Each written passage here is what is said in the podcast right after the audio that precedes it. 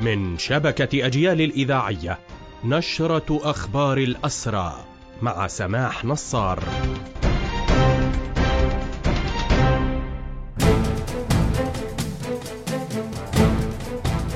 أهلا ومرحبا بكم إلى هذا اللقاء. ستة ألاف وخمسمائة وأكثر اعتقلتهم قوات الاحتلال منذ السابع من أكتوبر.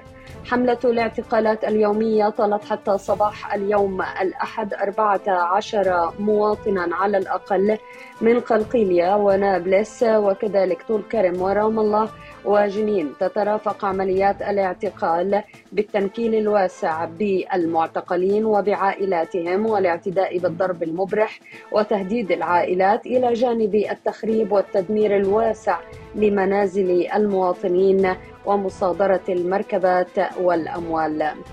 منذ السابع من أكتوبر ارتفعت أعداد الأسرى في سجون الاحتلال إلى نحو عشرة آلاف أسير.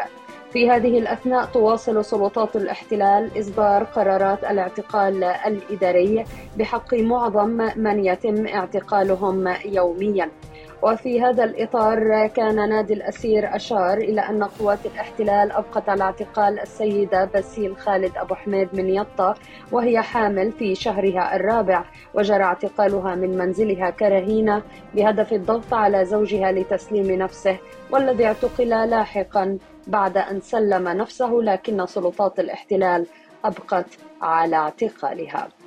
في أخبار هذه النشرة نشير إلى نعي صدر عن هيئة شؤون الأسرى والمحررين ونادي الأسير والأسرى المحررين وكذلك الحركة الأسيرة بوفاة والدة الأسير القائد عاهد أبو غلم من بلدة بيت فوريك بنابلس والتي وافتها المنية يوم أمس.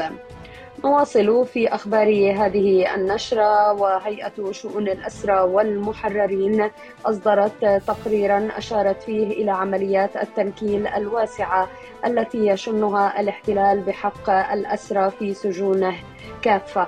وكذلك تطال عمليات التنكيل الأسيرات خاصة في سجن الدامون. تشمل عمليات التنكيل الضرب المبرح والشديد لأقل الأسباب أو حتى دون أسباب. وكذلك كمية الطعام غير كافية نوعيته سيئة ورديئة للغاية لدرجة أن بعض الأسرى يفضل عدم تناوله. وهذا ما أثر على أوزان عشرات بل مئات الأسرى في سجون الاحتلال. ساحة أو ساعة الفورة تم تقليصها وكذلك مياه الاستحمام باردة جدا ما يعني أن الأسرى يفضلون عدم الاستحمام بها.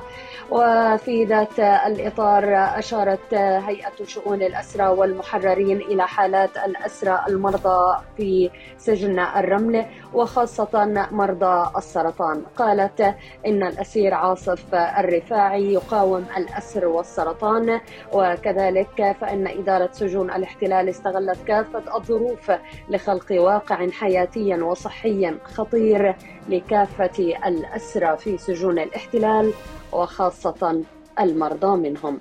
بهذا مستمعينا تنتهي هذه النشرة الخاصة بأخبار الحركة الأسيرة قدمناها لحضراتكم من راديو أجيال. تحية الحرية لأسر الحرية وتحياتي سماح نصار المجد والخلود لشهدائنا الأبرار.